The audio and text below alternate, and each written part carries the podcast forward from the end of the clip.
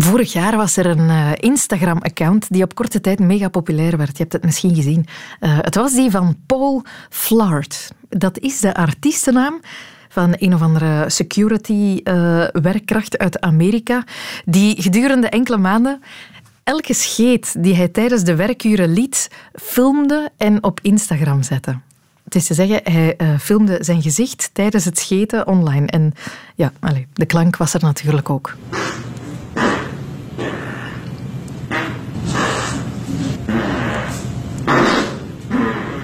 Bijzonder hoor, om te zien, want uh, hij kijkt recht in de camera. Hij kijkt je recht in de ogen, terwijl hij de goorste scheten laat. Je kan het gerust online checken, uh, of ook niet. Nodig heb je het niet om met je leven door te gaan. Maar goed, hij heeft ondertussen, dat zag ik, meer dan 100.000 volgers die elke dag benieuwd zijn naar een scheet van Paul. En dat zegt iets over ons. Over de boeiende wereld van de scheet, die we in deze podcast hoofd vooruit, neus dicht gaan induiken. Welkom in de wereld van Sophie.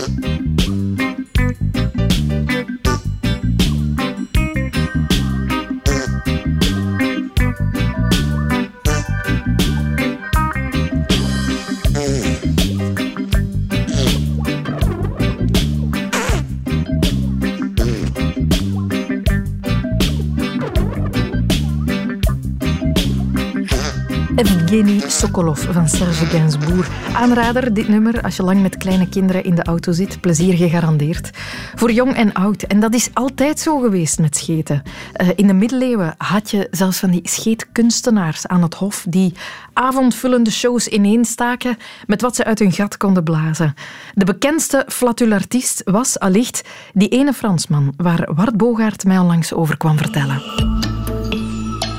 Het begint in de jaren 60 van de 19e eeuw. Joseph Pujol. Oh. Sophie. Dat is een jongetje op dat moment, een jongetje van acht jaar uit Marseille, die gaat zwemmen in de Middellandse Zee.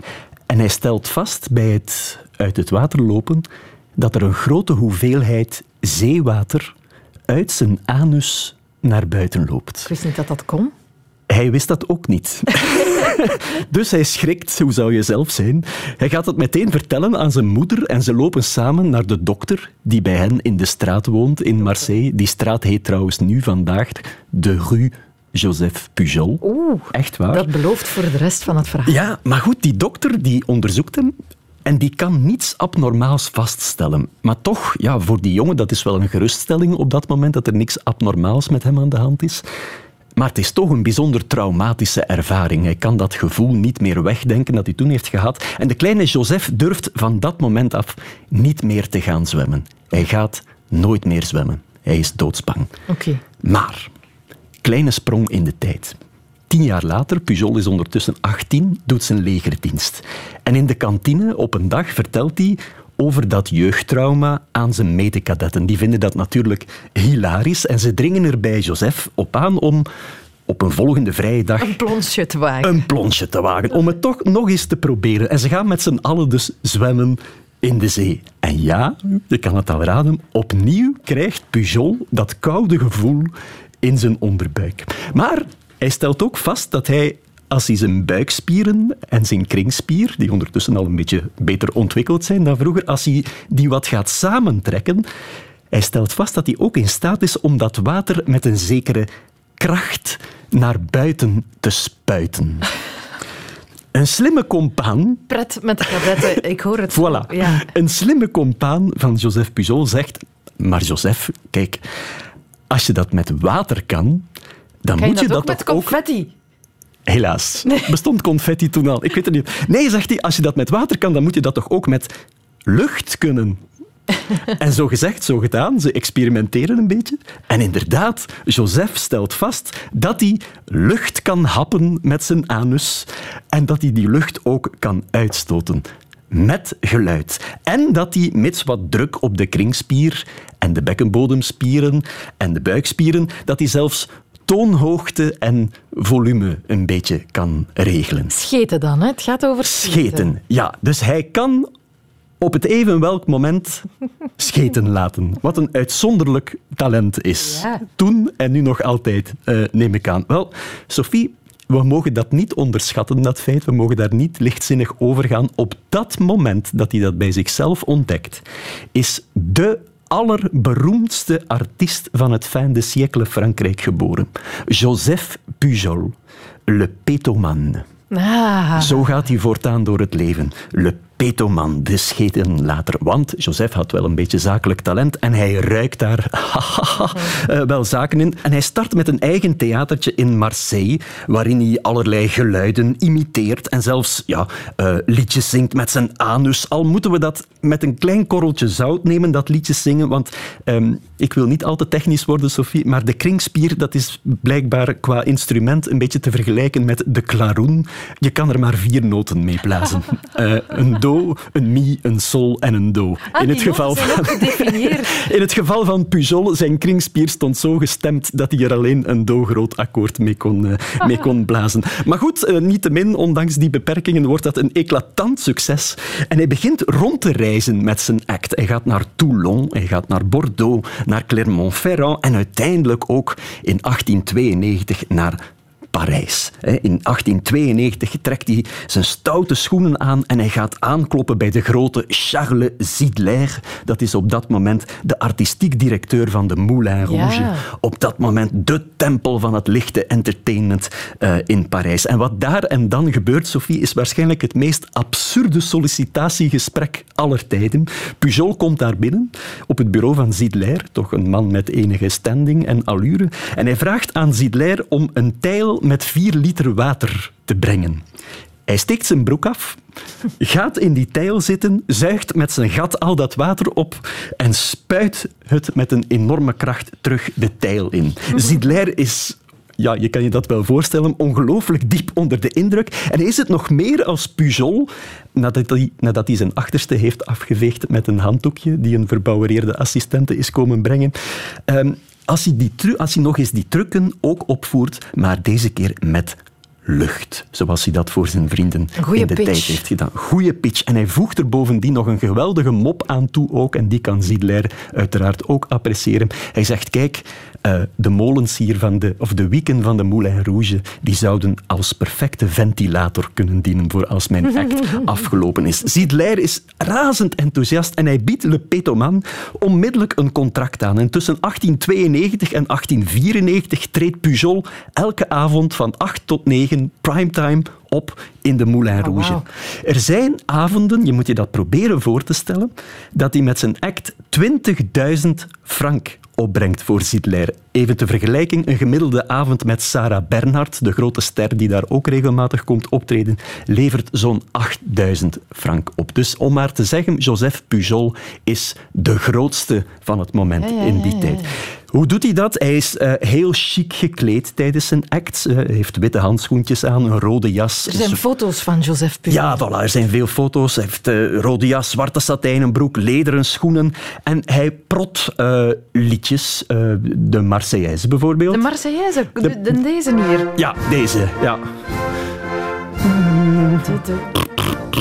Ja, doet hij dan waarschijnlijk zo, hè? Uh, de uh, An der schönen blauwen Donau staat ook op zijn repertoire. Hij vertelt ondertussen verhalen over, ja, over zijn schoonmoeder. Hij blaast kaarsen uit met zijn anus. Hij laat scheten in een grote hoorn. Lachen hier en brullen hè, de hele avond. En iedereen komt Zou kijken. vandaag hè? de dag nog steeds werken, Ja, denk ik weet het niet. Ik weet het niet. Maar toch, iedereen komt kijken. Hè. Het plebs komt kijken, maar ook Le Beau Monde, de latere koning van Engeland, Edward VII, is ooit uh, in, zijn in zijn publiek aangetroffen. Sigmund Freud is ooit eens komen kijken. Onze Leopold II is ook speciaal naar Parijs gegaan om Pujol te gaan zien. Maar helaas, kijk, aan alle mooie liedjes, um, um, geprot of niet geprot, komt een einde, Sophie. Er komt ruzie van.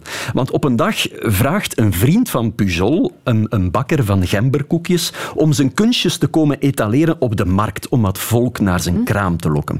Charles Zidler die krijgt daar lucht van. en uh, die spant een proces aan wegens contractbreuk, breuk van een uh, exclusiviteitscontract. Tegen Pujol wint het ook. Pujol wordt ontslagen en de Moulin Rouge komt met een nieuwe act, La Femme.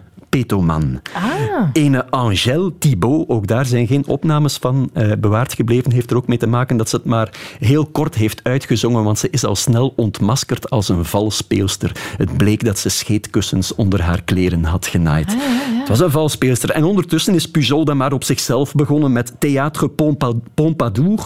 Uh, heeft nog veel successen gehad, maar geleidelijk aan is de grap er toch een klein beetje van af. Als de Eerste Wereldoorlog begint, worden vier van zijn tien kinderen gemobiliseerd. Twee ervan keren invalide terug en Pujol stelt zijn leven voortaan ten dienste van zijn ja, enorme familie. En bovendien zijn moppen over gas in het Frankrijk van net na de Eerste Wereldoorlog ook niet meer zo, niet meer zo populair. In, in 1922 verhuist hij dan naar Toulon, waar hij een koekjesfabriek start en daar blijft hij tot aan zijn dood in 1945. Er is in 1945, als Pujol sterft, een dokter die 25.000 frank biedt aan de familie om postmortem zijn sluitspier te mogen onderzoeken, maar de familie weigert dat. Spijtig eigenlijk.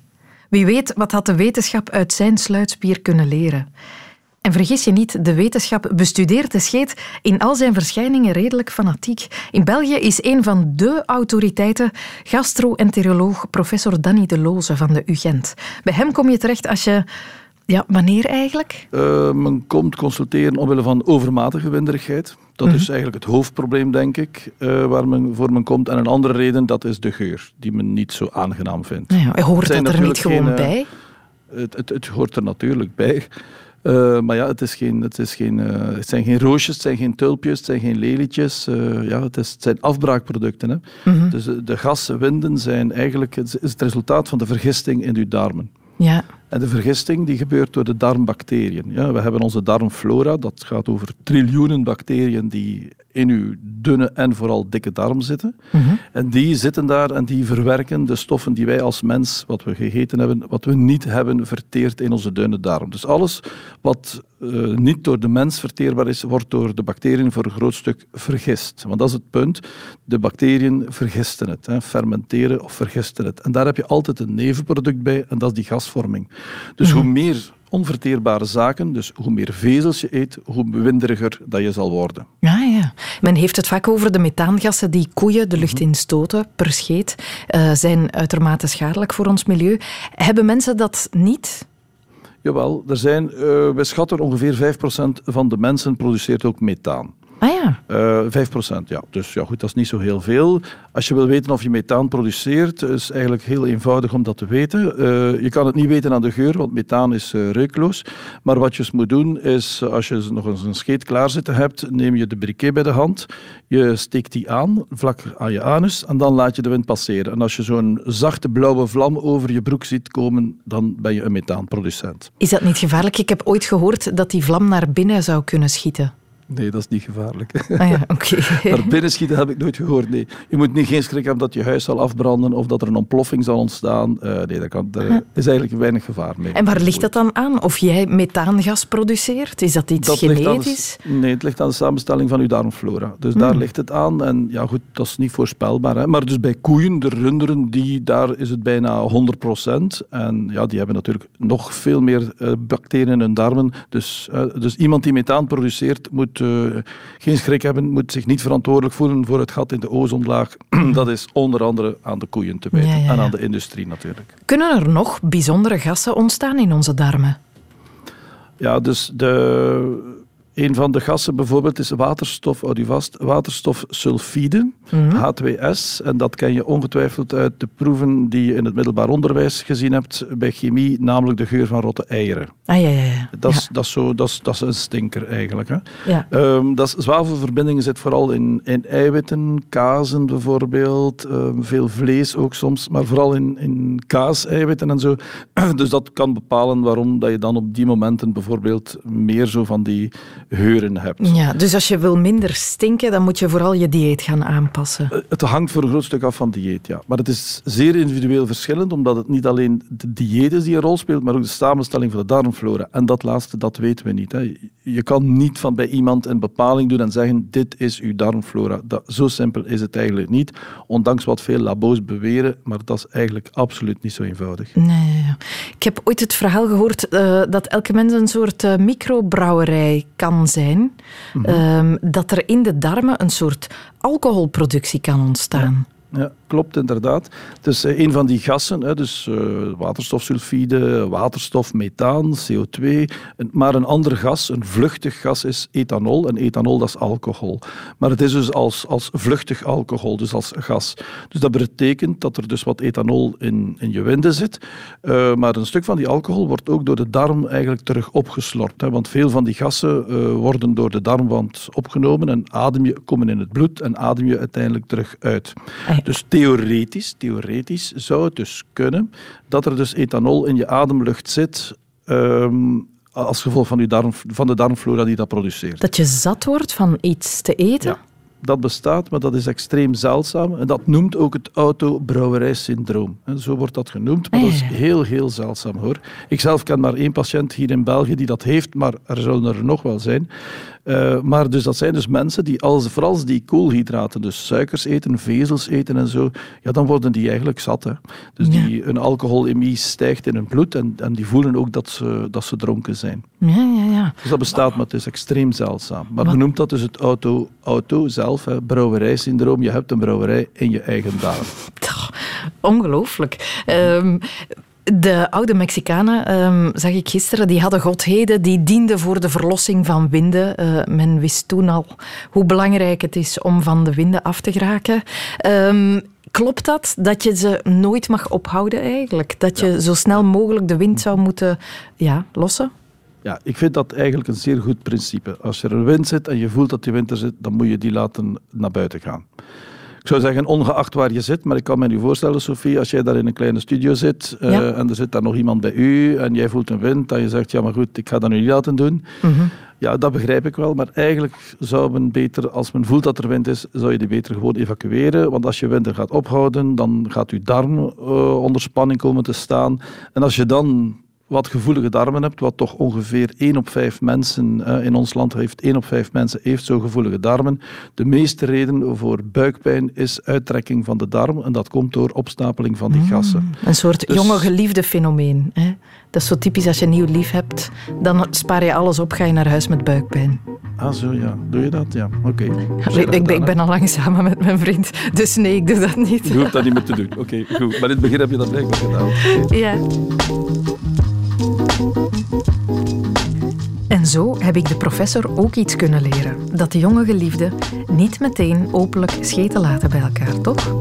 Je herinnert je toch? De eerste scheet bij elkaar als een soort symbolische brug die je oversteekt. Die van, ah wel ja, vanaf nu zijn wij zodanig op ons gemak bij elkaar dat wij ontspannen, volledig. Al is wat. Mocht je je afvragen of wij nu nog steeds over scheten bezig zijn, inderdaad. Je kan met gemak, met gemak 30 boeken vullen met de scheet. Dat heeft de 16e-eeuwse filosoof Montaigne dan ook gedaan. Allee, of er 30 waren, dat is misschien licht overdreven. Maar driekwart van zijn boek Reis naar Italië gaat over zijn en andermans scheten. I kid you not. Professor Franse literatuur Alexander Roze legt uit hoe de scheet een onderwerp kan zijn in filosofische literatuur. En frist meteen nog eens op wie Montaigne ook alweer was. In drie woorden, Montaigne is een Franse filosoof van de Renaissance die een heel bekend boek heeft geschreven dat de Essays heet. Ja, hij was eigenlijk de pionier van het essay-genre. Hè? Ja, hij heeft dat helemaal uitgevonden en als wij vandaag over essays spreken, dan is het uh, door hem, dankzij hem. Ja. Absoluut. Men noemt hem ook wel eens de uitvinder van de autobiografie, klopt dat ook? Ja, hij is eigenlijk diegene die het, uh, zoals Rubens of Breugel, zoals uh, heel veel renaissance kunstenaars of barokkunstenaars een, auto, een zelfportret hebben geschilderd, de eerste die het op schrift stelt. Mhm. Ehm, en dan zit je meteen bij het thema. Het, ehm, de eerlijkheid gebiedt hem, zegt Montaigne, om een zelfportret te schilderen, te tekenen, te, op te schrijven, waar, ehm, waar hij alles zegt, waar hij waarachtig is. En dus ook elk litteken toont. En dus ook de kleine kantjes uh, van zijn lichaam. En wil laten zien hoe zijn lichaam werkt. Ook al lijkt dat onfatsoenlijk, maar de, het opzet van de essays is precies om in zekere zin zijn leven te fatsoeneren. En dus er is niks onfatsoenlijk aan het, aan het project om het leven te fatsoeneren. Ja, een soort vergaand zelfonderzoek. Ja, ja. Doet hij. En vandaar de fascinatie onder meer voor de scheet. Ja, en ook voor hoe is een neus snuit en hoe andere mensen hun neus snuiten en hoe ze dan zijn omgegaan met, die, met snot. Um, dus inderdaad ook over het intiemste. Ja. Zet hij zich daarmee af tegen iets? Is dat een reactie op iets? Ja, um, in de, de renaissance de renaissance is al... hij, zet zich zeker af tegen mensen die denken dat je je lichaam helemaal kan beheersen. Dat er zoiets is als dat je door je wil elke lichaamsfunctie beheerst. Er is een heel bekende passage uh, in de essays waar hij het volgende zegt. De organen die dienen om de buik te ontladen, ik lees ze nu, hè, trekken zich samen, verwijden zich buiten en tegen onze wil, evenals de organen bestemd om onze nieren te ledigen. En als de heilige Augustinus, om te bewijzen dat de wil almachtig is, beweert dat hij iemand heeft meegemaakt die zo vaak hij wilde zijn achterwerk kon bevelen een wind te laten, en zijn commentator Vives er nog een schepje bovenop doet, met eigentijdse voorbeeld van een man die met zijn winden de, de tonen kon volgen van versregels die, die men hem liet horen, dan impliceert ook dat niet dat het lichaamsdeel volkomen gehoorzaamd is. Ja, dat moet u even toelichten. Ging nogal snel. Wat, wat, wat zegt hij daar dus eigenlijk? Dus Augustinus beweert dat hij iemand kent die die, ehm, die zijn lichaam zo beheerst dat hij winden kan laten op commando. Vives mhm. gaat daar nog verder in. En hij zegt, nee, dat gaat niet. Dat is niet zo. Het, het lichaamsdeel uh, deel is uh, indiscreet en ongecontroleerd. En dan gaat hij verder. En dan wordt hij heel persoonlijk. Dus van het algemeen gaat hij naar, naar zichzelf. Ik ken er één, en dus het gaat over hem, een lichaamsdeel zo onrustig en onhandelbaar dat het zijn meester al veertig jaar lang aan één stuk door met constante, niet aflatende dwang winden doet laten en hem zo te graven voert. Ah, ja. dus de mens ondergaat zijn lichaam. Montaigne zegt, ik onderga mijn lichaam. U hebt verwezen naar die uh, de reis door Italië die gaat vooral over zijn nierstenen. Dus hij beschrijft uitgebreid hoe hij... Overigens, dat boek was niet bestemd voor publicatie, maar hij beschrijft daarin uh, uitgebreid hoe die nierstenen, hoe hij die afvoert, hoe die door zijn penis komen, hoe pijnlijk dat dat is. Um, dit maar om te zeggen, de, de mens ondergaat zijn lichaam. Hij is zijn lichaam, hij is niet in staat om zijn reflexen te beheersen. Soms doen wij iets met onze handen die, waar we uh, zelf van verstomd staan. De mhm. mens is ook niet in staat om zijn driften in te tomen. Ja, ja we, we moeten niet denken dat we het onder controle hebben. Uh, we zijn maar het slachtoffer van, ons, van onze driften. Of ja, en we zijn ons lichaam. Ja. Uh, en dus de, de renaissance op dat moment dus een, uh, lanceert ook een heel idee van, van een nieuw fatsoen, van bleeftijdsboeken, boekjes van Erasmus. Mensen worden aangespoord om op een minder gewelddadige, op beschaafdere manier met elkaar om te gaan. Um, Erasmus heeft het over tafelmanieren, gebruik -hmm. van een servet, van, van messen. Dus uh, hoe je aan, het, aan tafel best vermijdt om te rochelen en te niezen. En dus ook hoe hoe je, je, lichaamsfuncties beheerst. En uh, Montaigne gaat een eind mee in dat uh, beheersingsdiscours maar benadrukt dat er grenzen zitten op die beheersing. En zoals hij ook zegt, dat er grenzen zitten op de wijsheid. Een bekend zinnetje, qui veut faire l'ange fait la bête.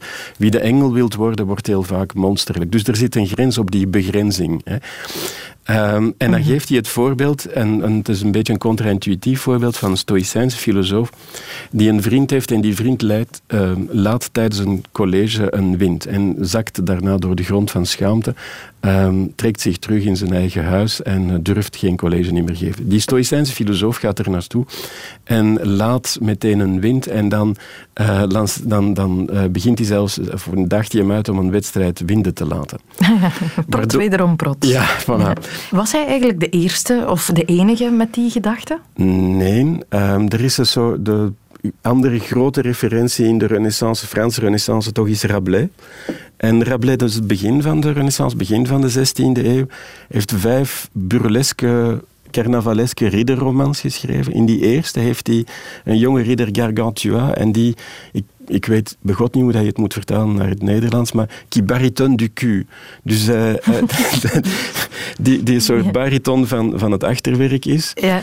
Uh, die heeft een zoon die winden laat waarvan de aarde beeft en die zo stinken dat... Uh, en, en tegelijkertijd 3000 misvormende, misvormde dwergen produceert. Maar dus die, heel dat discours carnavalesk produceert precies aan het beschaven... Of, of, of um, neemt deel aan het beschavingsdiscours discours. Het is een beetje zoals de kotsende boeren van Breugel. De, de, Ja. de mensen die die kotsende boeren van Breugel aan hun wand hangen, ehm, willen die boeren niet nadoen, maar precies het tegenovergestelde. Aha. Ehm, maar dus dat, dat wijst op een soort... Dat dat beschavingsdiscours eigenlijk helemaal is doorgedrongen. En een laatste, 18e eeuw, Nicolas Hurtaud heeft een traktaatje geschreven, ehm, eh, De kunst van het winden laten, l'art de Dat is een leraar Latijn, die heeft een retorica van de wind geschreven, of van de scheet. Ehm, want een woord kan op het juiste moment komen, het kan bevrijdend zijn, maar het kan ook dodelijk zijn, het kan op het foute moment komen. Ehm, en zo is dat ook met de wind. Hoe moet je de wind zien? Wat is de oorzaak? Wat is het doel? Ehm, opluchten, bevrijden, gezondheid van het lichaam bewaren. Pastiche eigenlijk, dus heel dat boekje een soort pastiche van de eh, Latijnse retorica, van medische traktaten. Ah, ja. Eh, helemaal niet boers, maar heel subtiel. En op een bepaalde manier een ode aan het menselijk intellect. Maar, ehm, en een waarschuwing voor de grenzen van de zelfbeheersing. Ook daar heb je een verhaal van een vrouw die twaalf jaar lang er alles aan gedaan heeft om eh, haar, haar winden binnen te houden. En dan daardoor overleden is. Dus de, er zit een grens, net zoals bij Montaigne, er zit een grens op wat je zelf kan opleggen. Ja, ja. Wat een eh, belangrijk thema voor de filosofie eigenlijk, de scheet. Als je het Eh, zo hoort. Maar er is geen thema, niets menselijk is mij vreemd, zei Montaigne. Er is geen thema in de, dat de filosofie niet aanbelangt als het over mensen gaat. Kijk. Je weet dat we soms diep gaan in onze gesprekken in de wereld van Sophie, maar zo diep. Ik sta er nu zelf nog eens van te kijken. Hoe ver de scheet ons brengt. En we zijn nog niet klaar. Er zijn nog mensen, nog wetenschappers, die zich over de prot gebogen hebben in een poging de scheet te vangen in een soort klassificatiesysteem. Is het niet, Vincent Bilot? Dat klopt helemaal. Al sinds de uitvinding van het schrift eigenlijk heeft de mens zijn scheten proberen te klassificeren. Al eh, ja, echt eeuwen, millennia lang onderneemt hij pogingen om de verschillende soorten buikwinden die hij produceert te benoemen en ze vervolgens te ordenen op basis van klank, van geur, duur, zelfs op basis van vochtigheidsgraad. Een van de oudste klassificatiesystemen die ik terugvond, is er één in het Latijn. Een naslagwerk met als titel Discursus Methodicus de Peditu. Vrij vertaald methodologisch discours over de scheet. Een nauwgezette ordening volgens Specibus Crepitu et Visio, geordend dus op soort, klank en verschijningsvorm. In dat boek vind je dus echt een schematische opdeling terug van de broekhoest in al zijn geuren en kleuren. Eerst wordt er een, eh, een onderverdeling gemaakt tussen de vocales, de vocale scheten, en de mutes, de stille, maar daarom niet minder geurende feesten. Ah, vaak eh, zegt men hoe stiller, hoe Ja, vuiler. Hè? Inderdaad. De vocale scheten die worden dan verder onderverdeeld in simplices, de eenvoudige, de diftongi, zeg maar de wat meer polyfone scheten, de siki, de droge scheten en de liquidi, de natte scheten. En die eh, schematische opdeling van de scheet die wordt dan later verfijnd met allerlei subcategorieën en daar horen ook bepaald levendige, ik zou bijna zeggen bruisende beschrijvingen bij. Wat dacht je van de vapor cacatus? Die wordt omschreven als de ordinaire rotknaller. Echt, hè? De vapor succulentus. Dat is de natte gele kliederaar. Eh. Zo wordt die genoemd. Eh, De vapor consonans, de harmonische scheet. En mijn favoriet, de vapor puellarum, de damesscheet. Ah, Een bon? fijne, geurloze wind. Ja, inderdaad. Ja, dat is nu gek dat dat bij alle vrouwen zo is. Maar ja. ja. Eh, De Nederlandse journalist en schrijver Jan Apets die werd nog poëtischer van eh, scheten. Wat dacht je bijvoorbeeld van de blauwe blindganger? Hij omschrijft die blauwe blindganger als ehm, een lui, lichtschuw type dat zich doorgaans in fauteuils verstopt en pas na het vertrek van de visite tevoorschijn komt. Ah, zo. Veroorzaakt daardoor veel misverstanden over zijn juiste herkomst. Herkenbaar toch? Ja, ja, ja, ja. Een ander exemplaar in zijn eh, nomenclatuur der buikwinden is de flapuit. Een spontaan type zonder enig gevoel van discipline dat zich ongevraagd in gesprekken mengt en hoofdzakelijk door bejaarde dames van stand wordt uitgelaten. Die dient zich aan. Punt. Ja. Nog eentje is de raasdonder. Wordt omschreven als een geducht, goud eerlijk exemplaar dat voornamelijk door zeelui in de straten wordt weerkaatst. Prachtig toch dat mensen daar zo poëtisch van Ja, worden. ja. Ja. Maar het standaardwerk, het is daarnet al eh, vernoemd, het standaardwerk in de klassificatie der scheten is toch wel l'art de pété. Ah ja, waar uh, de professor het ja, net ook al inderdaad, over had. een naslagwerk uit de 19e eeuw. Ondertitel Description de six espèces de pet. Zes soorten scheten. Ja, letterlijk een beschrijving van zes, de zes meest voorkomende verschijningsvormen van de scheet, gerangschikt volgens intensiteit. De meest subtiele variant in die rangschikking is de verlegen scheet. De verlegen scheet is, en ik lees nu even voor, geheel geluidloos, niet meer dan een zuchtje. Men kan hem ook de gluiper noemen omdat hij aan zijn stille geboorte geen andere ruchtbaarheid geeft dan als geur in de dichtstbijzijnde neusgaten te dringen. Dat is de... Ja. Ja, Maar het is eigenlijk nauwelijks hoorbaar. En dan volgen er dus vijf vocale scheten. Winden die wel gepaard gaan met geluid. En je begrijpt dat ik niet anders kan dan die geluiden ook even te illustreren. Puur Mhm. omwille van de wetenschappelijke volledigheid. Zeker dat spreekt. weten, Ja. ja. Zo heb je de flauwe scheet. Van een flauwe scheet spreken we als het geluid wat klagelijk is en de scheet niet genoeg kracht lijkt te hebben om zich uit zijn hol te bevrijden. Ja. Ook weer zo'n klein scheetje. Droef, droef in intonatie. Weet je wel. Vervolgens komt de brutale scheet. Dat is een scheet die lijkt op een geweerschot. Eentje die de deur van zijn logement dermate gewelddadig openbreekt dat je zou denken dat hij al het behang van de muur rukt. Ongelooflijk. Deze scheet laat geen enkel spoor na in de ruimte die hij doorklieft en is te vergelijken met de trompet van een orgel. Die kan al tellen, hè? Die komt naar ook Werchter. Ja. Een variant van de brutale scheet is de verminderde scheet. Die heeft dezelfde eigenschappen, maar aangezien zijn harmonie veel beperkter is, lijkt hij meer op een klaroen. Oh, ja. Toch al Om fier op te zijn. een mooie, hè? Een wat meer expressionistische variant is de spetterende scheet. De spetterende scheet wil met geluid uit zijn donkere cel uitbreken, bonkt met zijn kop tegen alle deuren, voert een niet te onderschatten hoeveelheid vloeibare stront met zich mee en brengt deze materie met veel vuurwerk tot explosie, zodat ze zich verspreidt over alles wat ze tegenkomt. Zoals onderbroeken, pantalons, jurken, onderrokken, kousenbanden en zelfs schoenen. Zet je schrap.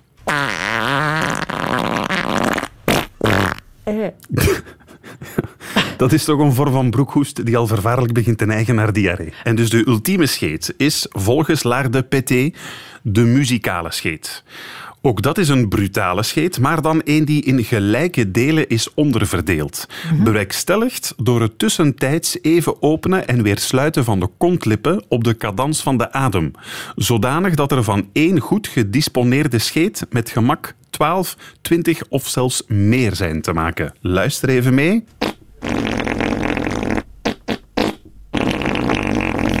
Je hoort, daar zit ritme in. Ja, ja. Daar zit muziek in. Passie, daar zit passie in ook. En er zijn er die die muzikale scheet echt hebben geperfectioneerd. Sophie, die ja, de muzikale scheet hebben opgetild tot een ware kunstvorm. Dus letterlijk l'art de pété.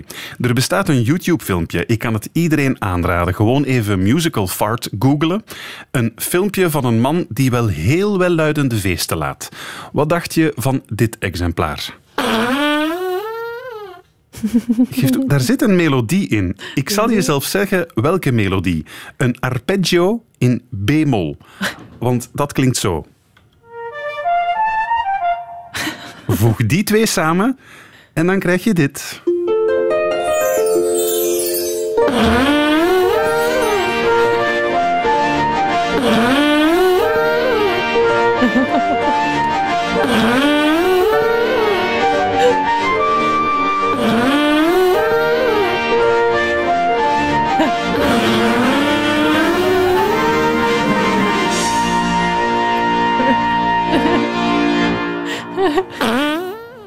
Fantastisch toch? Oh, dit is het beste wat ik het de afgelopen maanden heb gehoord. En geweldig dat daar een klassificatiesysteem voor bestaat. Alleen jammer vind ik dat, er telkens, dat je er telkens een handboek moet bijnemen om de geproduceerde wind te kunnen benoemen. Weet je wat nog een gat in de markt zou zijn, Sophie? Letterlijk dan? Nee. Een Shazam voor scheten. Dat is waar. Je kent hè, de, de, De app, app? die muziek registreert en je vervolgens vertelt om welk nummer het gaat. Wel, zou het niet fantastisch zijn mocht je met zo'n Shazam ogenblikkelijk kunnen aflezen welk exemplaar je zo net gelaten hebt. Ik Absoluut. heb zelfs al een, een, een En verkoopspeech. ja, Sophie. delen met je vrienden. Ja. Ja. De Shazam voor al je scheten, een feest van herkenning. en delen met je vrienden. En zo zijn we weer bij het begin, bij Paul Flart, hedendaags scheetkunstenaar, performancekunstenaar, zo u wil.